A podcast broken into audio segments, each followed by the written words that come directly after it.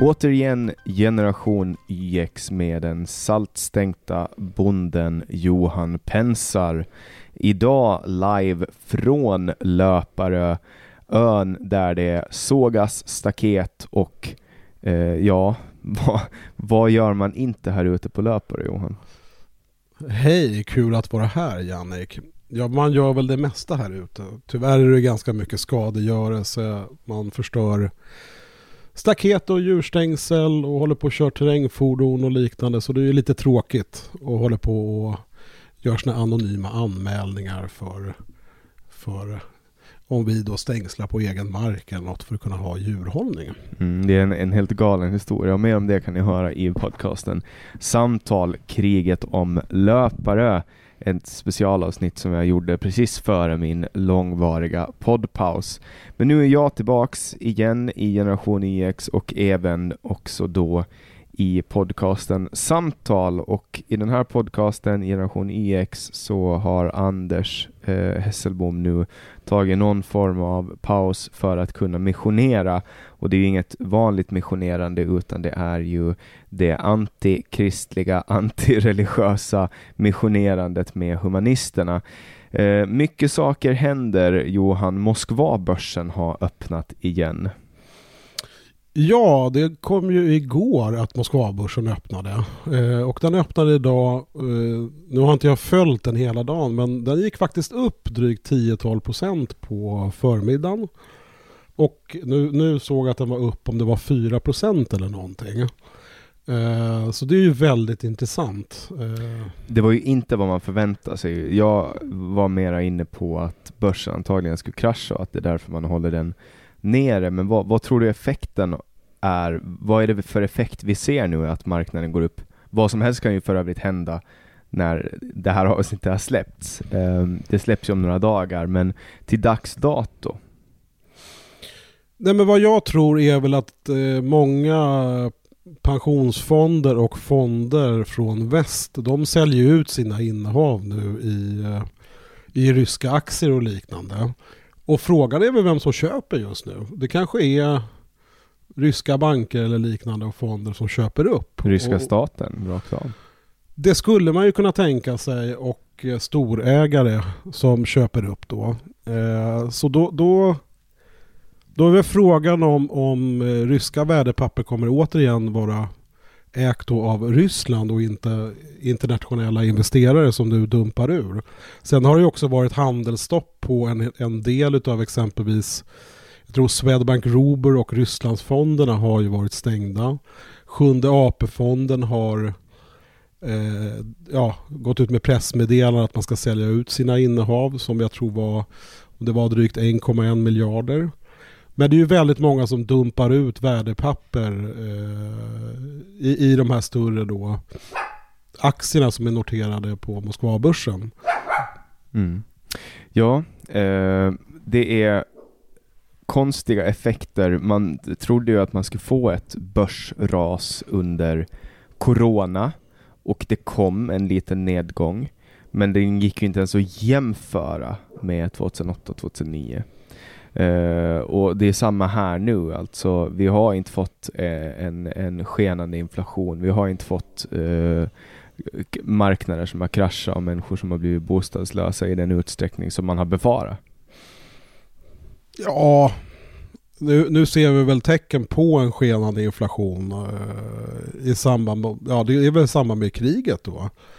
Och eh, så, så råvarupriserna går ju upp väldigt kraftigt. Priset på vete och livsmedel runt omkring går upp på gas, på olja. Så, så just nu ser vi ju den biten eh, och det indikerar ju att eh, räntor kan komma att gå upp också just för att stävja inflation. Mm. Men nu den senaste perioden som vi sett det, det, var ju inte som i samband med finanskrisen eller eh, ja, covid-19-krisen och pandemin. Där, där, har, där gick ju börsen faktiskt upp förvånansvärt. Mm. Vilket, vilket jag, jag personligen tycker är lite märkligt. Men, men, det är väl centralbanker som går in och stöttar det här? Ja, ja och sen då enorma lån från EU, Europaunionen, som har skuldsatt eh, europeiska medborgare för många, många år framöver. Ja men så är det ju att man gått in och gjort stödköp och liknande för att upprätthålla det här. Och det är ju väldigt mycket det är ju mycket pensionspengar och liknande som är inne i det här och de, de tvingas ju till att köpa om det går under en viss nivå. Mm. Uh, exempelvis så är det, vad jag hörde, en procent utav alla finansiella instrument ägs utav Japans pensionsfonder. Ja, uh, det har ju varit mycket uh, handelsstopp. Det har varit folk som har dragit sig ut från Ryssland, alltså företag. Eh, och det har varit olika former av embargon och bojkottar mot Ryssland. Men den absolut mest bizarra kom ju den här veckan när Arla meddelar att de slutar sälja Kefir. Det är alltså allting med Kefir är svenskt.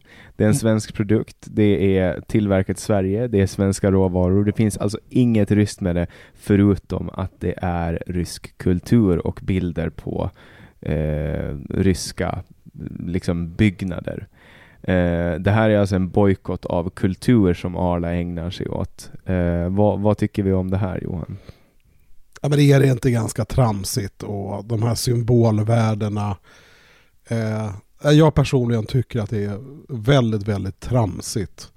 Eh, det, det, blir ju bara de här symbolhandlingarna. Blir det bättre då? Ska vi börja dumpa och inte äta ryska piroger? alltså Gorbis tillverkas ju i, Ryssland så då får väl alla sluta äta Gorbis piroger då. Det, det här blir ju en nivå som... Det, det, blir väldigt tramsigt med de här symbolhandlingarna. Mm. Det, det, känns, alltså det känns liksom som att, att, att folk skulle reagera på uh, att det är liksom bilder på ryska tak eh, på den här, det är de här kupoltaken som finns i, i Jo, jag, jag, jag vet. Jag, jag, vet ju hur bilderna ser ut. Men, men... Det, är väl det, det är väl det som är rys, ryskt med det.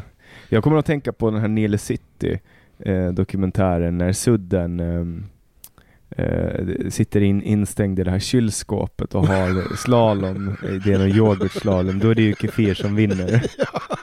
Det här är väl, det här är väl eh, nästa våg av fame som Kefir får nu.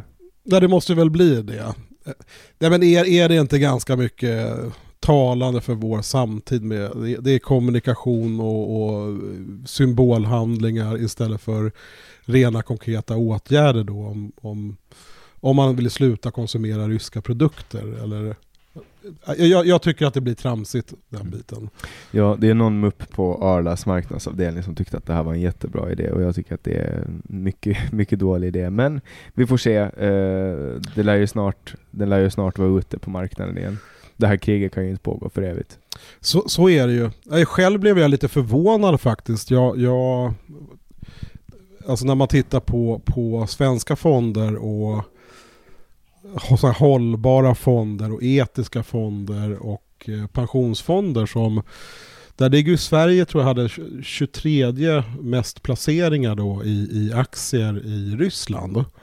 Och det är ju väldigt mycket hållbarhet och liknande som man då trummar ut i sina årsredovisningar. Men tittar man på underliggande värdepapper så, så är det väl lite si och så med hållbarhet och det finns ju lite underliggande problematik. Så är inte det här liksom väldigt mycket dubbelmoral i hela det här äh, kommunikationen och all ordsallad man väser på sig för, för att se, se ut som en godhetsknarkare. Så är det. Eh, så är det. 13 personer sitter frihetsberövade efter att eh, de misstänks för insiderbrott kring ICA. Det här är någonting som Dagens Industri skriver och Dagens Industri har tagit del av domstolshandlingar. Eh, de här misstänkta insiderbrotten ska ha begåtts i början av september fram till mitten på november, dagen före budet på ICA offentliggjordes. Eh, vad, vad tänker du om det här? Alltså, jag, jag, det blir ju lite mycket finans idag, men du har ju också... Du, du, det, det, är inte, det är inte jättemånga som vet det här, men du har alltså en Executives MBA vid världens bästa entreprenörsskola, Harvard University. Så att eh, vi ska ju passa på att dra in lite finans i det här nu. Jag vet att Anders inte är jätte... Men, men insiderbrott, Johan, ICA? Ja, eh, det är väl jag har, inte, jag, jag har inte studerat detaljerna i den biten men, men det förvånar väl inte att det sker väldigt mycket sådana saker och eh, det, det, det kom väl ett bud där som offentliggjordes och kursen gick upp ganska kraftigt. Ja. Är det vanligt att folk får sitta och skaka galler för insiderbrott? I Sverige är väl det ganska ovanligt. Det finns väl några som, som uh, man försökt trycka åt men det är väl man lyckas väl inte riktigt så bra uh, med den biten utan det, det, är väl tyvärr så, ja, någon som har informationsöverläge kan använda det och uh, kan tjäna väldigt mycket pengar. Sen är det ju, är det ju ja, de, som, de som gör de här insideraffärerna det, det, är väl en kalkylerad risk också i, i den biten. Och men det är ett ganska bara... krångligt regelverk också i Sverige som man har ja, men Tänk om man bara är där och så sitter man och bara, ja men fan idag, idag ska jag köpa extremt mycket ICA-aktier. Och så bara råkar man köpa det eh, precis i tajmat. Och så får man sitta där. Kronobergshäkte, en or orange overall. Det måste ju hända. Ja, Uh, jo, det, det, det har ju inträffat. Uh, och det måste ju också vara en jävla massa människor som inte åker fast för insiderbrott. Ja, så, så är det väl också. Ehm, jag vet inte, jag, jag tänker på, på han, uh, vad heter han, Skumpa-Berna som eh, köpte den här 75 000 kronors flaskan med champagne där runt, runt Sturekompaniet. Och det var väl det som fick upp ögonen och, och där var det väl tyvärr då en del insiderhandel och men också var det ju att man garanterade fondemissioner och agerade garant. Så man var ju lite av liksom, nydanande inom finans. Men det blir ju så. Det är ju väldigt mycket pengar, det är snabba rörelser och folk blir väl fartblinda och dras med i det här. Mm. Uh, men, men, det är ju en balansgång, den biten. Och på tal om att bli fartblind så har ju folk suttit hemma nu under corona och rullat tummarna och inte ens tagit fram och tittat på sina pass. Nu har det blivit en passrush utan dess nåde, vilket gör att i Karlskrona så finns nästa lediga tid för att förnya sitt pass först i november. Folk vill ju åka utomlands, men det går inte. Eh, det finns rapporter om att man säljer tider på Facebook svart för att få sina pass och nu försöker Polismyndigheten omdisponera resurser för att folk ska kunna eh, få sina pass. Vad är det som gör att folk inte kan hålla koll på sina pass? Håller du koll på ditt pass? Här tror jag faktiskt att eh, polisen själv har ju sagt att kom inte och förnya passet för att det blir för mycket köer. Så de har ju vetat om hela den här biten. Jag, jag var faktiskt har varit en syndare och lät mitt pass gå ut och förnyade det faktiskt för bara några månader sedan. Och då, då fanns det ju tider och liknande. Men det var väldigt krångligt och man, man skulle åka dit och eh, två gånger och hämta ut och liknande. Så det här har ju polisen vetat om och inte agerat på det. Så, så de såg det komma och de gjorde ingenting. Mm. Det är som uh, allt annat då? Ja, man, man, är, man är eh, kvart över tolv och inte kvart i tolv. Mm. Utan man har ju verkligen vetat det, så det är ju tragiskt att man inte lyckas att kunna ställa ut pass för de som behöver ut och resa och liknande. Det var väl någon filur också som han, han hackade väl ordning något eget just för att kunna ordna en tid. Eh, och sen har folk börjat boka de här tiderna och säljer dem eh, alltså man bokar en tid som man sen säljer vidare. Eh, det, det, är väl ganska trasigt får man alltså säga. Det är väl lite som den här toalettpapperruschen ungefär. Alltså ett av de första avsnitten i den här podden hette Staten säljer pass åt oss. Och det var för att jag då i, i god tid då under corona förnyar mitt pass. För att jag låter inte mitt pass gå ut. Jag är inte en sån människa utan jag håller mina pass och dokument uppdaterade. Eh, jag, jag, jag föraktar staten för att de säljer de här passen åt oss. För att vi måste ju alltså betala för det. Nu är jag från Finland och jag får ju betala eh, 110 euro eller något sånt, 1100 kronor då för att få ett nytt pass. Men jag håller det ändå alltid ajour och nu igår faktiskt så var jag till Skatteverket för att uppdatera mitt ID-kort för att det är, går ut i augusti. Eh, och, och då tittade hon på mig och så sa hon så här, du är ett föredöme. så tydligen, tydligen är det ovanligt att folk kommer i tid, så här fem månader innan för att uppdatera sina ID-kort. Men då var det också så här, då sa hon till mig så här, ja du måste ha det här pappret med dig, annars får du inte ut det. Och du måste komma hit. Och jag bara, okej, okay, men varför kan du inte posta ut det? Ja, men det går inte, vi kan inte posta ut ID-handlingar. Och jag bara, men kan jag få skanna in det här, kort, eh, det här pappret? Nej, du måste ha med dig originalet. Så då om jag kommer in med mitt ID-kort, då får inte jag hämta ut mitt nya ID-kort. Ja, men är inte det oerhört... Eh, har man inte krånglat till det lite för det, mycket? Det då? står någonstans i något papper. Alltså det är så här, ja okay. Jo men jag, jag, vet ju precis samma sak. Jag menar, eh, herregud. Man, man ska lämna in deklaration men man, man gör det ju gärna sista minuten. Och Visakortet går ut och man borde ha gjort det där. Men vad som slog mig när man stod med de här pass och väntade. Man fick ju sitta där i tre timmar och vänta och det skulle klickas nummer och det ska ta tid.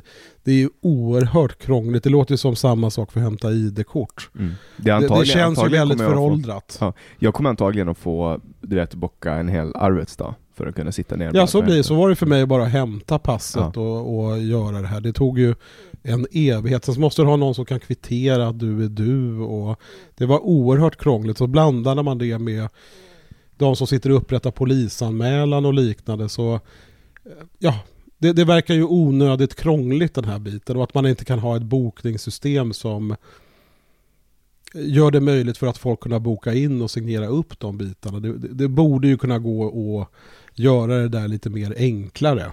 Mm. Ja, eh, och någon då som inte högst antagligen behöver sitta på Lindhagens gatan och vänta på ett pass, det är ju då Hans Majestät Konungen. Eh, Sveriges statschef får drygt 149 miljoner kronor per år i så kallat apanage. Ungefär hälften av det går till slottsskatten och det är då för att sköta om de elva kungliga slotten, vilket jag kan tycka är ganska rimligt. Man ska förvalta och förvara och konservera det gamla Eh, speciellt de här gamla fina byggnaderna. Eh, och den andra hälften då går till hovstaten och hovstaten finansierar kungens verksamhet då och familjens kostnader kopplade till uppdraget som de har fått by birthright. Eh, men den här årsredovisningen som kommer i år så kommer man för första gången att vara lite mer transparent. Man kommer att ange tre olika rambelopp. Förut har man bara vetat om de här 150 miljonerna, men nu kommer man att redovisa rambelopp på hur mycket kungaparet får, hur mycket Vickan och Danne får och hur mycket CP och prinsessan Sofia får. Eh, de tycker att kungahuset tycker att det ligger i tiden med transparens. Jag tycker nästan att det är lite löjligt att påstå att det här är transparens.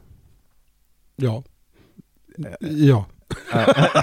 man kan ju gissa, man kan ju gissa på att, att eh, kungen och Silvia får mest pengar, därefter eh, Vickan och Daniel och därefter prins CP.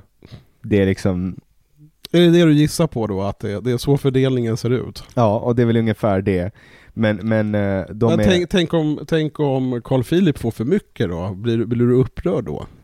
Alltså upprörd är jag väl redan, men jag är ju eh, redan upprörd över att Bernadotte har tronföljare. Eh, därför att det var ju en, en riktig mupp som högg kniven i ryggen på Napoleon och jag är fortfarande arg på det. Jag tycker inte att, att vi ska ha sådana quislingar till tronföljare. Och där kan vi snacka arvsynd därför att eh, eh, Jean-Baptiste Bernadotte var en riktig slarvig general. Han var, han, var, han var säkert duktig, men han kom ju för sent till slagen. Och jag tror, jag tror att han gjorde det här med flit alltså, många gånger. Och, och han satt på eh, slottet och, och, frös och var liksom inte aktiv i arbetet. Och, nej, jag tycker att man ska byta ut kungafamiljen. Bara baserat på deras farfars farfars farfars far eller vad det nu blir. För att han inte återövrade Finland från Ryssland till Sverige. Ja, eller det, var ju, det kan man ju inte lasta Bernadotte för, eh, ja, Jean Baptiste. Det var, ju, det var ju Gustav den fjärde som, eh, som Svek. Ja, som, som förlorade. Han blev ju för övrigt nästan mördad på Åland. Nej, men just det, just det. Eh, skämt åsido, eh, de tycker då, kungahuset tycker att det här är jättebra för att de kommer att redovisa vilken sorts utgifter som kungafamiljen får ersättning för. Och det, det, här berättar då Jan Lindman som är överintendent, överintendent på Riksmarskalkämbetet. Um, ehm, och sen berättar han också då att uh, till Sveriges Radio att deras privata bilar eller båtar eller investeringar i fastigheter och värdepapper inte tas upp. Jag tror att det här är någonting som har kommit efter att uh, Knugen är lite väl intresserad av fina bilar. ja, men det är väl kul att han har en, en, en, hobby i alla fall. Men är det så dyrt då, tycker du? Eh, 150 miljoner varav hälften går till slott och liknande. Nej, det är faktiskt inte så farligt. Det är väl ganska... Alltså inte med tanke på eh, alla kineser som står och fotar i Slottsparken. Liksom, ja men också när jag menar, jag tänker på det här talet till nationen och i samband med covid-pandemin och liksom, statsministern och, och, kungen och de gör ju ändå ett väldigt stort arbete. Ja, alltså vi har ju, vi har ju då eh, i Finland republikens president eh, och så har vi en eh, statsminister. Och man, skickar, man valde att skicka eh, republikens president eh, Sauli Niinistö till Vita huset istället för den här eh, bruden som är lika gammal som mig då, som är statsminister. det kändes lite mer rimligt i, i, i i de här kristiderna. Bubblan, aj aj. Nu sitter min eh, hund sitter och tuggar på en av dina pennor. Ja men det är okej, det får mm. man göra. Hon kan få göra det så länge då. Något måste man ju tugga på. Ja eller hur. Hon, det kliar i hennes tänder, hon är ju bara valp. Nej, men, men är inte det också det, lite sign of the times att det ska vara transparent eh, på mikronivå ibland? Men samtidigt så är det inte transparent i mycket av de statliga myndigheterna eller i offentlig sektor. Nej men det, så är det och, och jag menar alltså för kungahuset så är det där en stor grej. Man har ju aldrig någonsin redovisat var pengarna vad pengarna används till och så vidare. Och ska man, jag, jag tror att, alltså det är ju inte så att, att kungen kastar in en Billys pizza eh, i en Eller en rysk Gorbis. Nej, jag, jag, tror ju, jag tror ju snarare att kungen sitter vid något dyrt bord från 1500-talet och blir serverad hummer eh, på något svåruttalat franskt namn och så kommer det någon bekänt. Alltså det är så jag tänker mig att kungen äter middag. Jag tror inte att kungen har ett IKEA-kök med Silvia och bara blaffar in någon Billys pizza och bara kör den på 800 watt i liksom. En plinglåda helt enkelt. Ja, jag, tror, jag tror inte det. Men vad chockad du kommer bli när, när äntligen får du veta vad kungahuset då då får du den transparenten, ja, transparensen som du har, har efterfrågat. Nej men är, är inte det lite överdrivet? Jag förstår inte varför de är så nöjda med det. Ja, jag vet inte, men alltså det, det, det, det, lek förvaltningens hjul eh, manglar långsamt så manglar även kungahuset långsamt. Jag menar den största revolutionen som har skett där var väl på 70-talet när man ändrade om att även kvinnor kan få tronfölje liksom. Mm, ja, men så är det ju. Eh, Sydkorea och Nordkorea trappar upp spänningarna. Eh, Nordkorea passar på och testskjuter robotar, vilket Sydkorea svarar på eh, genom att också skjuta eh, upp robotar, övning med skarp ammunition. Eh, det ska inte vara första gången som ett krig i Europa startar krig i Orienten. Mm. Eh, mm är det här någonting vi behöver oroa oss? Världens blickar riktas mot Ukraina och den tjocka gubben i Nordkorea börjar hålla på med sina fallossymboler. Jag vet, det är ju oroväckande och det, det, är väl att det kan vara kärnvapen i de här uh, robotarna som går iväg. Så visst det, personligen är jag nog lite mer nervös för, för Taiwan och uh, vad som händer runt omkring där och Kina. Mm. Ja, det, det här är ett, ett miljöljud så det får vara kvar. Det är det, är det här som sker i vår närmiljö. Det är fördelen med att spela in fysiskt. Mm. Nej, men jag, jag är faktiskt mer, jag menar Nordkorea är ju Nordkorea. Kommer det verkligen bryta ut? Kom, kommer det bli ett krig där som bryter ut? Mm. Tveksamt tror jag i alla fall. Uh, jag är mer orolig över Taiwan och sen så vad som, vad som händer nu som jag personligen tycker är lite oroväckande. Det är ju att uh, liv, livsmedelspriserna som går, som går upp... Bubblan, som, gå och lägg dig här. Kom, kom, gå och lägg dig. Livsmedelspriserna, berätta. Nej men när, när, när det blir en brist när det blir en brist på mat så, så eh, ät, vi äter ju någon annans mat just nu. Blir det en mm. brist på mat exempelvis i Egypten eller i Afrika så är det ju ganska stor sannolikhet att det kommer bli inbördeskrig eller krigsutbrott eller liknande i den typen av regioner. Ja, det finns ju någon gräns för när matpriserna överstiger en viss eh, del av månadskostnaden ja. som det blir krig. Ja, jag, jag, jag, tror, eh, även om livsmedelspriserna nu stiger i eh, exempelvis i Sverige eller Europa, så kommer vi säkert ha råd att betala för det här. Men det finns ju, blir det en brist på utbudet och priset stiger för mycket, då är det ju vissa som inte har råd att köpa. Och där finns det ju en stor risk att vi kommer få se att det här blir väpnade konflikter i andra länder. Mm. Som, vi, som vi inte kanske vet om, som inte de här kända exempelvis Taiwan, Nord-Sydkorea. Utan helt plötsligt så bubblar det någon annanstans, kanske i, runt om i Mellanöstern eller i Afrika eller liknande. På grund av de priserna vi ser på råvarumarknaden och den krisen som hela livsmedels, alltså produktionen är inne i. Och där, där tror jag att vi kommer se det kommer få massa hemska följdeffekter. Ändå ställer man egentligen önskar um, att det blir väpnad revolution, det är ju Ryssland. För att där bör ju priserna stiga ganska ordentligt nu. Jag menar priset för bröd kan inte vara Ja, nu vet jag inte, men, men man ser ju att det börjar beslut i livsmedelsbutiker och eh, Ruben har tappat mycket i värde. De har ju en finansiell härdsmälta just nu. Så visst kommer det drabba den ryska befolkningen. Samtidigt om du tittar underliggande på den biten så har ju de en, en stor produktion av råvaror och livsmedel och konstgödsel och annat så, och gas. Vilket faktiskt Europa eh, är lidande utav. Mm. Eh, så jag, jag, vet, jag vet faktiskt inte var det kommer landa men det är väl klart att den ryska befolkningen lider nu. Kommer de göra revolution eller kommer det bli ett regimbyte?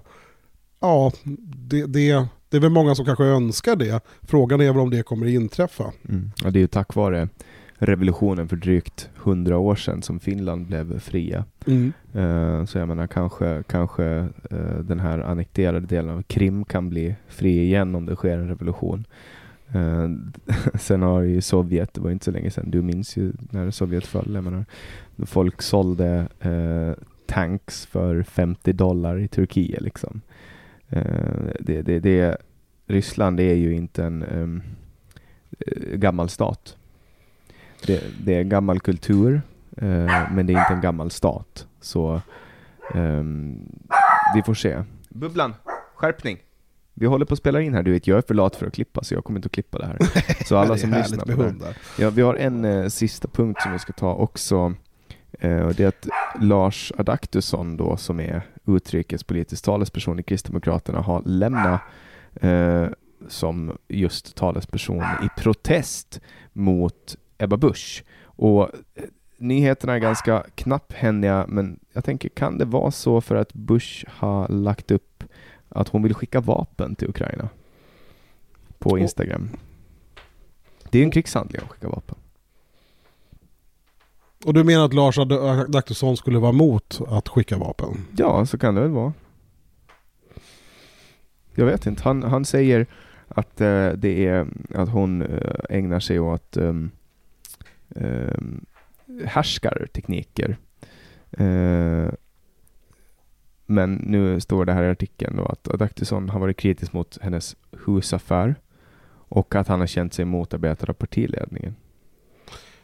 Kan det vara som så att det handlar om intern makt eller att eh, han inte, Lars får inte lika mycket makt av nuvarande partiledning kanske? Eh, och att man är kritisk mot, mot det mesta. Jag menar, jag personligen kanske är en av de få då som förstår Ebba Busch och hennes eh, husaffär med Esbjörn. Vi har ju här lokalt kanske 25 stycken Esbjörn. om, om vi leker med... 25 Esbjörn med motorsåg och vinkelslip. Eh, ungefär så. Mm. Eh, lite, lite lite B-skådespelare och, och annat löst folk som överklagar B-skådespelare, jag tycker inte att, alltså jag skulle väl ändå säga att han är en A-skådespelare. Jag har ändå växt upp med, med, med honom on the screen. Bara för att sätta det i kontext, ni som, som ja, lyssnar. Jag förstår. Så, jag förstår. Så, så, finns det alltså en, en galen skådespelare som springer runt med vinkelslip och skär ner Johans uh, Våra stängsel. fina grindar ja. som, som man stör sig på. Nej, men jag tror så här. Eh, det, det, personligen tycker jag att det låter rätt att stödja Ukraina Jag menar de kämpar och spiller blod för Europas skull just nu. Och de bränner ju väldigt mycket vapen. Alltså det, det drar ju av en hel del sådana här radda pansarskott varje dag där för att värna, värna då deras fria suveränitet och frihet. Och de kämpar ju för den biten. Där, där kan väl personligen jag tycka att det är rätt att skicka vapen och annat för att stödja de som ändå kämpar för Europas frihet. Även om, även om det här då skulle resultera i att Ryssland attackerar Sverige? Ja, det finns, ju, det finns ju en risk för den biten och eh, vad skulle vi göra då i Sverige om Ryssland eh, ja, deklarerar krig och skickar trupp till Sverige? Då skulle väl vi bli glada om vi också kanske fick ett pansarskott eller två från, från andra nationer som hjälpte och stöttade oss i vår frihet. Så jag, jag tycker där att det är bra att man står upp för Europas frihet att man stödjer Ukraina i, i den väpnade kampen och det krig som pågår. Och det är väl rätt att Sverige skickar eh, ja, vapen, man gör ju inga direkta konfrontationer eller skickar trupp dit. Eh, jag personligen tycker att det är, är rätt sak att göra, kanske att man skulle göra ännu mera. Eh, Ukrainas president har ju efterfrågat luftstöd och liknande för att hålla luften fri där från ryskt eh, flyg och liknande. Eh, det, man, man, tycker säkert olika de här bitarna men eh, jag tycker fortfarande det är fel när ett, ett land attackerar ett annat land och eh, då får man ju visa i faktisk handling att göra någonting istället för att sitta och vifta med någon flagga eller någonting. Mm. Men det, det, är min personliga uppfattning och jag vet inte vad han Lars Adaktusson har för uppfattning om både Esbjörn eller eller eh, att, att stödja Ukraina i sin kamp. Mm. Båda är väl till stort förtret kan jag tänka mig. Alltså Ryssland och Esbjörn. Det får bli slutorden för veckans generation YX. Jättestort tack Johan Pensar. Du har fått agera gamlingen den här veckan. Tack så hemskt mycket för att jag fick komma hit. Och, eh... Det är jag som ska tacka som får vara här på löpare. Ja, och hundarna också. Mm. Och till er som har lyssnat, tack för att ni återkommer vecka efter vecka. Ni får jättegärna gå in och dela det här på Facebook och Twitter och eh, alla andra sociala medier som ni ägnar er tid åt och berätta gärna för era vänner att de kan lyssna på Generation X, YX heter den, eh, där poddar finns. Mer om den här podden kan ni läsa på www.genyx.se. Eh, jättestort tack för mig. Jag heter Jannik Svensson och du har lyssnat på Generation YX med Johan Pensar och Jannik Svensson.